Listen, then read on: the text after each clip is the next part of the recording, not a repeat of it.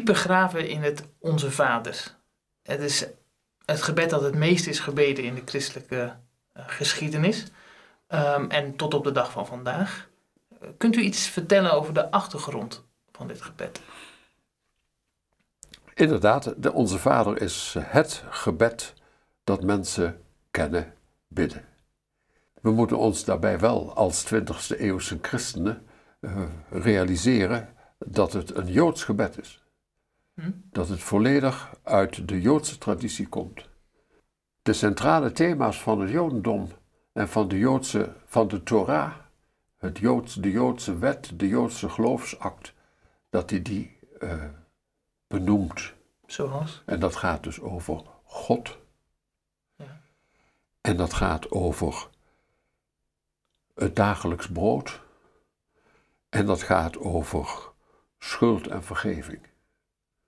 Dat zijn ja, oerthema's die in het leven van mensen en die ook in het leven van christenmensen een, uh, een, een belangrijke rol spelen. Ik denk dat mensen zich daarin herkennen, dat mensen daar hun, hun vragen ook in herkennen. Hm. En dat daarom dat gebed van generatie naar generatie is doorgegeven. En dan krijgt het ook de, de betekenis van die generaties. Nou ja, ja. Er zijn eh, in de Bijbel staan, of ja, in de Bijbel staan twee versies van het Onze Vader. Ja. Uh, Matthäus schrijft er een ja. aan het einde van de bergreden. De andere vinden we bij Lucas. En dat is eigenlijk wel, misschien is goed om daar even naar te kijken. Want dan, kijk, de leerlingen hebben blijkbaar vaak gezien dat Jezus aan het bidden was. In elk geval in het evangelie van Lucas. En op een gegeven moment stellen ze de vraag, Heer, leer ons bidden. En dan komt Jezus met, met dit gebed. Ja, ze, vra ze vragen eh, leer ons bidden zoals Johannes zijn leerlingen heeft leren bidden. Dus de, de, de leerling-meesterverhouding had blijkbaar iets te maken met hoe moet je um, tegenover God je uiten. En u kunt dat, leer ons dat. Ja. En dan komt hij met dit gebed. Ik heb het altijd een beetje... Ja. Beetje, nou, een beetje merkwaardig gevonden. Tuurlijk. Dus we weten niet wat Jezus precies aan die leerlingen heeft geleerd. Want, laten we wel wezen, Jezus sprak Aramees. Die leerlingen waren niet geletterd. Dat mhm. waren geen, geen literaire bollebozen. Dus die kregen een, een, van Jezus een Aramees gebed. En wat we daarin dan terugvinden is de, de, de, de hoofdpunten van, laat maar zeggen, de Joodse wet van de Torah. Jezus vertaalt op zijn manier de Torah. Bij Matthäus staat het Onze Vader inderdaad in het kader van de bergreden. En de hele bergreden is Jezus' vertaling van de Torah. De Joodse wet vertaald door de wijze waarop Jezus omging met God en met de wet. Dus wat leerlingen kregen was een, een, een, een voor hen toch herkenbare vorm van uh, serieuze vragen aan God voorleggen. Want dit was dan ook iets, uh, maar ik, ja, misschien is het ook lastig voor u om te beantwoorden, maar omdat we die context niet zo heel goed kennen. Uh, was dit dan bedoeld om gewoon in je eigen tijd mee te gaan bidden? Of hoe, hoe, hoe moeten we dat, wat voor soort gebed is dit dan? Dat is, dat is inderdaad niet gemakkelijk. Het is niet een liturgisch gebed. Dus we kennen de psalmen als de wijze waarop in de eredienst, de Joodse eredienst, uh, tot God gebeden werd. De psalmen, dat zijn de het gebedenboek van, de, van, van, de, uh, van het Joodsdom. De leerlingen vragen naar leer ons bidden in de wijze waarop je omdat ze Jezus gezien hebben. Ja, en die eh, ging in, in, in die trok zich terug. trok zich terug. Dus het is de verwoording van, een, een, van menselijke behoeftes, van menselijke vragen, van menselijke uh, intenties. En ja, niet in eerste plaats voor de eredienst. Ik denk dat het pas later uh, een plaats gekregen heeft in de eredienst. Hm. Zullen we gewoon eens kijken naar de, wat erin staat? Okay. In het Onze Vader. Dus het begint met uh, Onze Vader die in de hemelen zijt. Inderdaad. Nou, dat was, uh, dat was natuurlijk toch redelijk revolutionair. Ja? Dat Jezus God als vader Hm. eh, aanspreekt. Dat was iets wat eh, niet algemeen gebruikelijk was. Het komt wel voor in het in de Oude Testament, de, dat God als vader wordt benaderd. Maar Jezus eh, gaat daarvan uit. God is niet een vader, mijn vader. En jullie vader. En we spreken God aan op dat niveau. Op, de, op het niveau van kind tot vader. En ik denk dat dat heel nieuw was. Maar Jezus heeft dat gedurende heel zijn leven gedaan. Hij is aan één stuk door bezig om het godsbeeld van de mensen bij te stellen.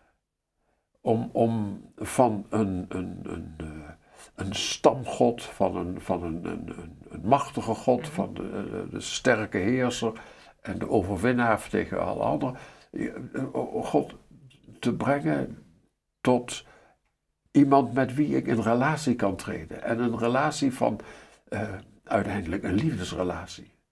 Zoon-vaderrelatie. En dat heeft hij dus gedurende heel het leven gedaan. En, en dat, dat is direct de aanhef van, de, van, van dit gebed. Ja. Onze Vader. Ah, maar als hij zegt onze vader, dan plaatst Jezus zich natuurlijk ook wel in een soort van. ehm, ja, hij wordt onze broeder. De- dus omdat hij onze broeder is, kan hij ook zeggen onze vader. Ja. Dus het zegt ook iets over Jezus, denk ik. Ja. Of dat, of dat de bedoeling was, dat weet ik niet. Dus de, de, de goddelijkheid van Jezus, wat een ander onderwerp is, Mm. is toch van later datum. De leerlingen hebben Jezus zo niet ervaren. nee, nee, nee. Wandelden niet de hele tijd met God door de wereld. Mhm, mhm. Dus voor, voor, voor, voor de leerlingen is, is eh, Jezus hun buitengewone meester, leraar, rabbi. Waar ze zielsveel van houden en waar ze zich helemaal mee proberen te identificeren. Maar het is toch gewoon, het is toch een mens. Gewoon een mens. En die mens zegt dat voor hem God vader is. In die in de hemelen zijt. die in de hemelen zijt, ja, eh, dan kijken wij automatisch naar boven. Maar ook daarvan moeten we weten dat de context is een Joods gebed. En dat Joden de godsnaam niet uitspreken. En ze hebben alle mogelijke manieren om de godsnaam te omschrijven. En in de hemelen zijn, dat is de plek van God. Dat is de plaats van God. Dat is een, een vorm om de godsnaam te omschrijven. Dus onze Vader die God zijt. En onze vader, hè? dus niet onze moeder, onze broer, onze zus, onze opa. Ja, ja, ja. Ik eh, denk dat dat een 20e eeuwse of 21e eeuwse eh, wijze van denken is. De mensen in de tijd van Jezus waren volstrekt gewend aan een, aan een zeer masculiere eh, cultuur en samenleving. En eh, God was zeker op dat ogenblik niet een moeder. Maar zou het... Want het vaderbeeld is natuurlijk even goed het moederbeeld, hè? maar ik denk dat voor e- eerder voor meer mensen het vaderbeeld lastig kan zijn. Het Onze Vader, zoals het oorspronkelijk door Jezus aan de leerlingen verteld heeft, heeft intussen eh, twee 21 eeuwen eh, geschiedenis achter de Ja, rug. In die 21 eeuwen is het altijd anders weer opnieuw geïnterpreteerd of ervaren door mensen. En in de 21ste eeuw zijn er veel mensen die behoefte hebben om God niet zo mannelijk te maken, niet zo, zo eh, om de zachte krachten eh, ruimte te geven. En daarom is het, is het eh, voor veel mensen bevrijdend om te kunnen zeggen: Onze moeder. Ga je gang. Maar het is niet de wijze waarop, waarop het oorspronkelijk in, in, in de schrift terechtgekomen is. Nee. Maar iedereen moet bidden zoals zijn hart hem ingeeft. Mm. En niet zoals het correct is volgens de exegeten. Ja. Nou, maar eigenlijk is het, als je voor vaders, hè, ik ben zelf wel vader, Ja, is het eigenlijk, ja, ik vind het eigenlijk wel mooi om, om je krijgt toch een soort beeld van wat vaderschap is. Ja. Niet alleen di- door dit eh, gebed, maar doorheen de hele manier van Jezus Ja. communiceren over de Vader. Goed, onze Vader die in de hemel zijt. Uw naam worden geheiligd. Uw rijk komen. Uw koninkrijk komen en uw wil geschieden. Eigenlijk zijn dat drie omschrijvingen van hetzelfde. Uw naam wordt geheiligd, de naam staat voor het wezen. De naam staat voor het wezen. Bij de schepping bracht God alle dieren bij Adam en zoals Adam ze zou noemen, zo zouden ze heten. Adam geeft de identiteit aan. De, de naam geeft aan de identiteit. Dus uw naam wordt geheiligd, u wordt geheiligd. Uw koninkrijk komen. Ten eerste, er bestaat niets anders dan koninkrijken in de tijd van Jezus. Mhm. Dat heeft niets te maken met een staat. Elk stamhoofd, bij wijze van spreken, was een koning. Als je in het Oude Testament leest, de koning van Aram en de koning van Edom en de koning van weet ik niet wie. Hè? Mhm. En die werden over de klink gejaagd en weet ik wat. Ja. Het, het, het- in het beeld van de mensen, koninkrijk, dat betekent het, het- ja, de samenleving, de, de, de, de, de, ja, de samenleving, de samenleving. Ja, maar waar bidden we dan voor? Wat is dat voor beden? Ah, uw koninkrijk komen. Dat wil zeggen, uw heerschappij, uw wijze van heerser zijn, uw wijze van koning zijn, die mogen komen. Dus zoals God de samenleving bedoeld heeft, zo mogen hij zijn. Niet zoals wij hem maken, niet zoals onze behoefte aan macht, aan gezag, aan overheersing en zo.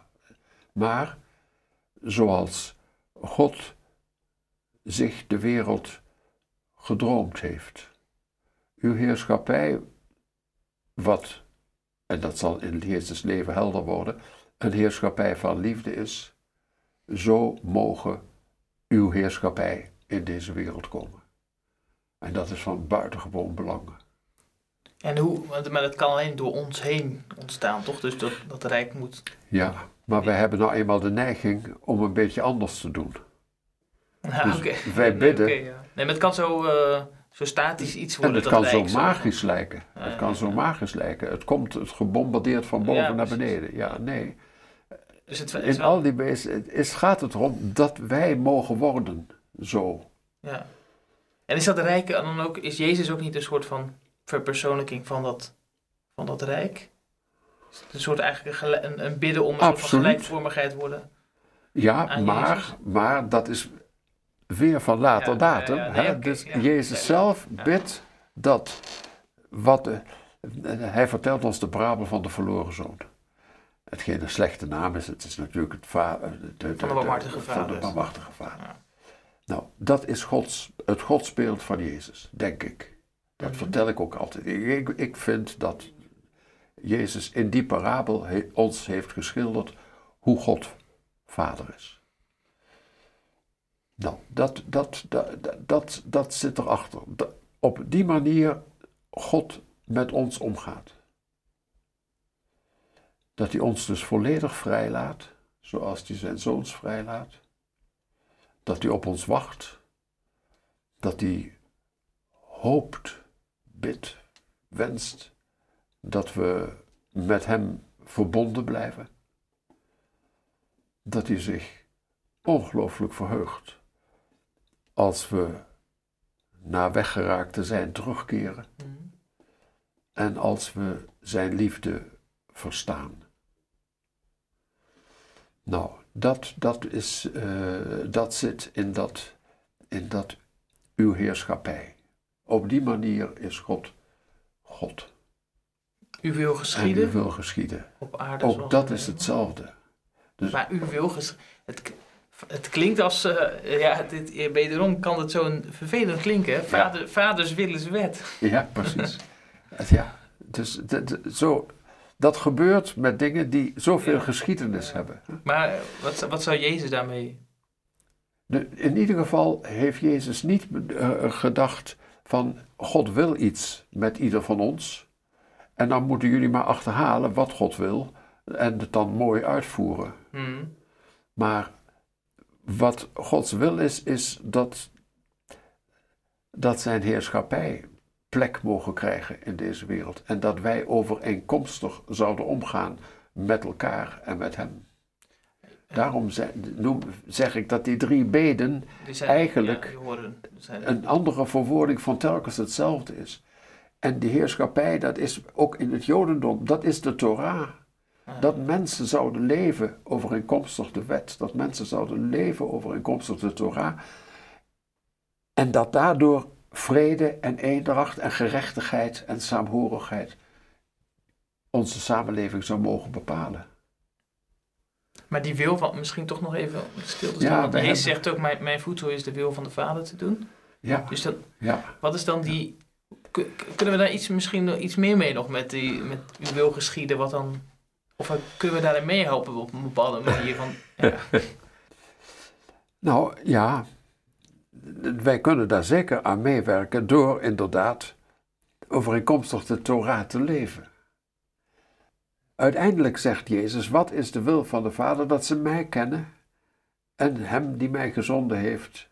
Dus dat we op een goede manier over de Vader denken en dat we geloven dat Jezus die Vader zichtbaar, verstaanbaar, eh, beleefbaar nabij brengt. Dat is de wil van de Vader. Jezus leeft die wil omdat hij zijn leven lang niks anders doet dan de Vader present stellen, de Vader beleefbaar maken, verstaanbaar maken. Dat brengt hem aan het kruis. Is geen ongevaarlijke bede dus. Nee, dat is geen ongevaarlijke bede.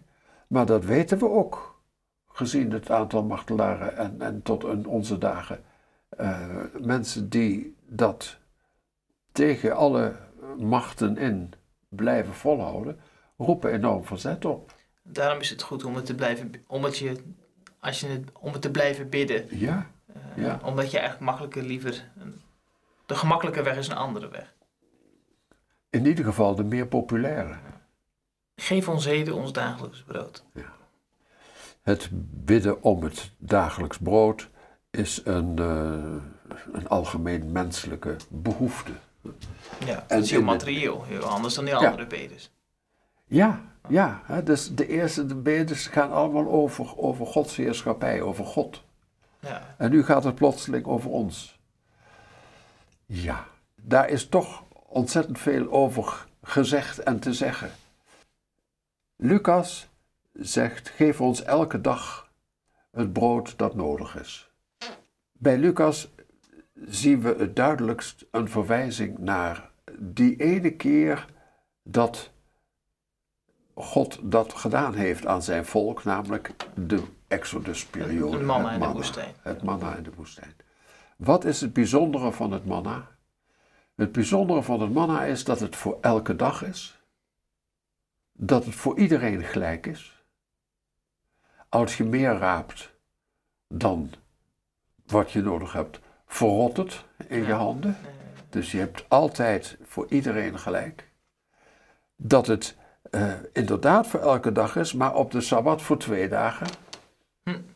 Er is in dat manna ingevlochten de basis van de sociale gerechtigheid. Er bestaat geen rijk, geen arm, geen oud, geen jong.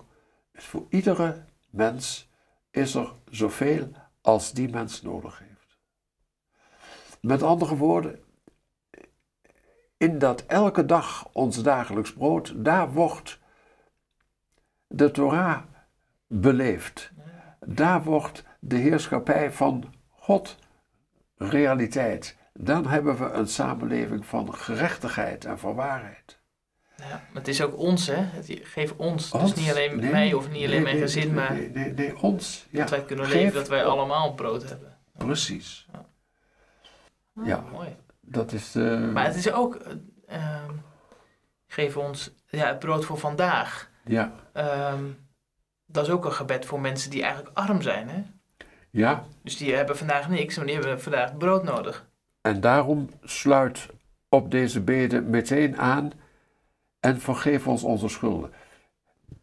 dat is ook met nevenschikkend. Dat is ook met en verbonden. Geef ons ons dagelijks brood en vergeef ons. Oh ja. En vergeef ons onze schulden. Dat volgt aan. Dus het feit dat we niet allemaal ons dagelijks brood hebben, is onze schuld. Ja, is dat het? Omdat wij niet de heerschappij van God gestalte geven in onze werkelijkheid. Daarom zijn er rijken en armen en zijn er uh, behoeftigen en mensen die, die overvloed hebben. En daarom is er niet gerechtigheid en daarom is er niet voor iedereen het dagelijks brood. En kunnen we nog apart kijken naar dat gebed? En vergeef ons onze schuld. Ja. Gelijk. gelijk. Ja, de moeilijkheid. Onze fouten. En vergeef ons onze schulden, zoals ook wij vergeven aan onze schuldenaren. Ja, dat is Matthäus. Die heeft het dus over schuld en schuldenaren. Bij Lucas staat, en vergeef ons onze zonden. Ah, ja. Die zonden, dat is iets wat in het Oude Testament veel te voorkomt. En het betekent altijd, of bijna altijd, een falen in Gods dienst. Een falen in uh, God God laten zijn. Een vorm van afgoderij. Dat hele Oude Testament is een strijd tegen de goden van de omliggende volkeren. De Joodse gemeenschap was een monotheïstische gemeenschap, dat, dat was nog niet daar geweest. Dat, dat, dat, de, omgevende volkeren hebben allemaal veel goden. En het is buitengewoon aantrekkelijk om daar, uh, ja, toch in de relaties gewoon uh, wat water bij de wijn te doen. Mhm. en, en, een beetje van die en een beetje van die. Mhm.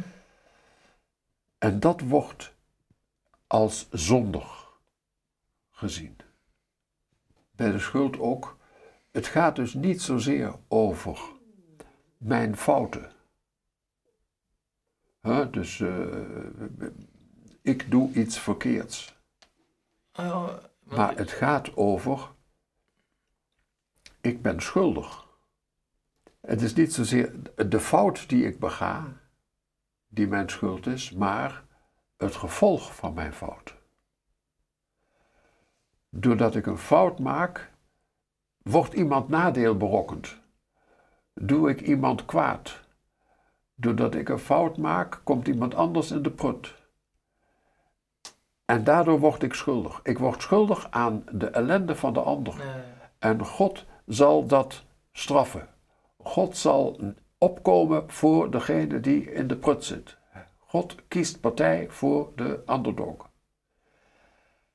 En de machtige wordt van zijn troon gestoten. En de machtige wordt uh, uh, ja, ter, ter verantwoording geroepen. Ja, en dan wordt het dus ook heel duidelijk dat er alleen maar vergiffenis is als ik het met die ander goed gemaakt heb. Geen wraak. Geen wraak. Nee, maar ik word, uh, mij wordt ook niet vergeven. Als je niet eerst. Oké, ja, dus de voorwaarde is, zoals Jezus ook zegt, voordat je naar de tempel gaat, is er nog iets met je broeder. Exact. Verzoen jezelf. Ja, als je iets bewust bent dat je iets met je broeder hebt, laat je gaven aan de altaar staan en ga je eerst. In de grote verzoendag kon alles vergeven worden van de dingen die fout gegaan waren en dergelijke. Maar als je een naaste had uh, kwaad gedaan, had benadeeld, dan werd dat niet vergeven, tenzij je eerst dat kwaad had rechtgezet. Dus dat is, dat is, dat, dat is wezenlijk. Ja, rechtgezet, vergeven, hè? Nee, je verzoenen met. Wat dat dan ook mogen betekenen. In elke situatie is anders. Dus er is ommekeer nodig. Ik moet, ik moet uh, uh, instaan voor het feit dat ik fout geweest ben. Ik moet erkennen dat ik fout geweest ben en de verantwoordelijkheid daarvoor op mij nemen. En wat dat concreet dan inhoudt, ja. Ja, dat, weet je dan zelf wel. Dat weet je niet. Ja, of wel. Dat moet je dan, dat moet je dan, ja. Ja, als je het Dat hoort bij de omkeer, hoort dat. dat ja, precies. En vergeef ons onze schuld, gelijk ook wij een andere schuld vergeven. En leid ons niet in verzoeking of in bekoring of breng ons niet in beproeving. Ja. Wat is dat voor beden? Dat is een moeilijke. Dat is een moeilijke. Eh, wat resoneert is, eh, is het schouwspel in Job, waarin de Satan of het kwaad of whatever tegenover God staat. Ja. Met de vraag, zal ik hem eens beproeven of, of verleiden? Of, Beproeven gebeurt overal. Inderdaad, God beproeft Abraham door hem te vragen Isaac te offeren. Staat er met evenveel woorden. En God stelde Abraham op de proef. Ja. Wat beproeft hij? Of Abraham werkelijk God als God erkent. Het volk stelt God op de proef. Door te morren. We zitten hier verdorie in die woestijn en er is geen drinken en er is geen eten en wat moet dat en hadden we niet beter in de vleespotten, et cetera. Mm ze komen in opstand tegen Mozes en tegen God. En wat gebeurt daar? Dus zij zeggen: God laat ons in de steek. Dus wat Abraham beproefd werd of hij God trouw bleef, laat het volk zien dat ze God niet trouw blijven, God niet als God erkennen mhm. in hun situatie. Jezus wordt beproefd door de duivel in de woestijn. En Jezus zegt, gij zult de Heer God beminnen en hem alleen dienen en niets anders. En dan de mensen beproeven Jezus weer. En het draait alsmaar over, mag God God zijn? Blijf ik werkelijk mijzelf aan God hechten? En is Hij uiteindelijk de basis van mijn geloven, van mijn leven, van mijn lieven, van, van, van wie ik ben. En dat wordt op de proef gesteld. Toevallig stond er net in het Katholiek Nieuwsblad een artikeltje van Paus Franciscus, mhm. die gezegd heeft: Nee, God stelt ons niet op de proef. Mhm. Er is nooit uh, concurrentie tussen God en ons. Nee. God is niet, bij wijze van spreken, bang voor. Maar God wat op de proef gesteld wordt, is onze band met God. Maar dat, dat is door iets wat van buiten komt. Ja. Dus zou die beden niet anders moeten zijn? Zou je niet moeten zeggen, en leid ons in de beproeving? Ja, ja. Of wat ik ook altijd een, een, een goede interpretatie acht is, en beproef mij niet boven mijn krachten. Ja. Of laat, dat, me, laat me niet terechtkomen in situaties waarin ik... Eh, het, het, het absoluut kwijtraak. Maar ik, ik, ik blijf het moeilijk vinden. Het is een, moeilijke, uh, een moeilijke bede. En toch misschien, als je het bidt, en je, kun je wel, kan het wel juist aanhaken bij iets wat je ervaart oh in je leven. Dus, dus dan kan het wel op dat moment heel oh, ja. worden. En dat, dat is het fantastische van dat gebed. er, er zijn zoveel aanknopingspunten met ons dagelijks leven. Met de, wijze waarop we uh, ja, gewoon om moeten gaan met de realiteit waarin we staan. En dus past het op, op zeer veel punten. En ik, ik hoop altijd dat uh, ouders hun kinderen een onze vader willen leren. Waarom zouden we dat doen? Omdat het zo centraal staat. Omdat het ook een appel doet op ons gevoel dat het ook een appel doet op ons, ons verstaan van wie God eigenlijk is of wat God eigenlijk is. En omdat het ja, onze hele, ons hele leven op God richt. En uiteindelijk om de doodeenvoudige reden dat als puntje bij paaltje komt, alleen de dingen die we echt uit ons hoofd geleerd hebben en die uh, we herhaald hebben en nog een keer herhaald hebben, dat die er dan zijn. Hmm. En als ik op het ogenblik alle mogelijke vieringen heb, hè, huwelijk, en uh, het is heel moeilijk, de mensen zijn niet meer zo gewend aan de kerkelijke. Uh, maar tegen de tijd komt dat het onze vader is, dan doet iedereen weer mee, want dat kennen we. En dat is, dat is, dat is goed, dat is belangrijk, denk ik. Ja. En verlos ons van het kwaad? Ten eerste, eh, alleen Matthäus heeft dat. Ja. En de theorie is dat uh, voor Joden een gebed niet negatief mag eindigen. En leidt ons niet in beproeving. Oh, oké. Maar verlossens van het kwaad is, is, dat is een positief einde. Wat ook misschien een soort interpretatie kan opleveren voor die Precies. Maar dan is er nog altijd de vraag: is het het kwaad en wat is het kwaad? Of is het de boze? Is het de Satan? Ja, ja. Dus, dus is, ja, want ook daar zijn relaties hè, in, in het kwaad. En het kwaad, dat zijn al de, ja, al de omstandigheden. Dat is eigenlijk iets abstracters dan de boze. De boze is iemand die eh, ja. iets wat een direct appel en, en, en eh, aanslag doet op mij. Dus ik kan me dat voorstellen dat je, dat je zegt, en bevrijdt ons van het kwaad, dat je dat eerder een beetje afstandelijk ziet dan en bevrijdt ons van de boze. Maar het, is, eh, het doet ook een beetje denken aan, het, aan de bede uw rijk komen. Als tegenhanger van het Ax, ja, Als ik denk aan het kwaad in de wereld, dan gaat het over mensenhandel, wapenhandel, drugshandel, dat soort grote systemen waar je als mens zelf niet per se invloed op hebt, maar wat wel tegelijk de hele wereld beïnvloedt. Ja, klopt. Het kan allebei. Eh, Het, het is uit de tekst niet duidelijk wat het nou precies bedoelt. Het is dus interessant of, of merkwaardig dat Lucas het weglaat. Ja. Of, no- of in ieder geval niet heeft. Ja. Ja.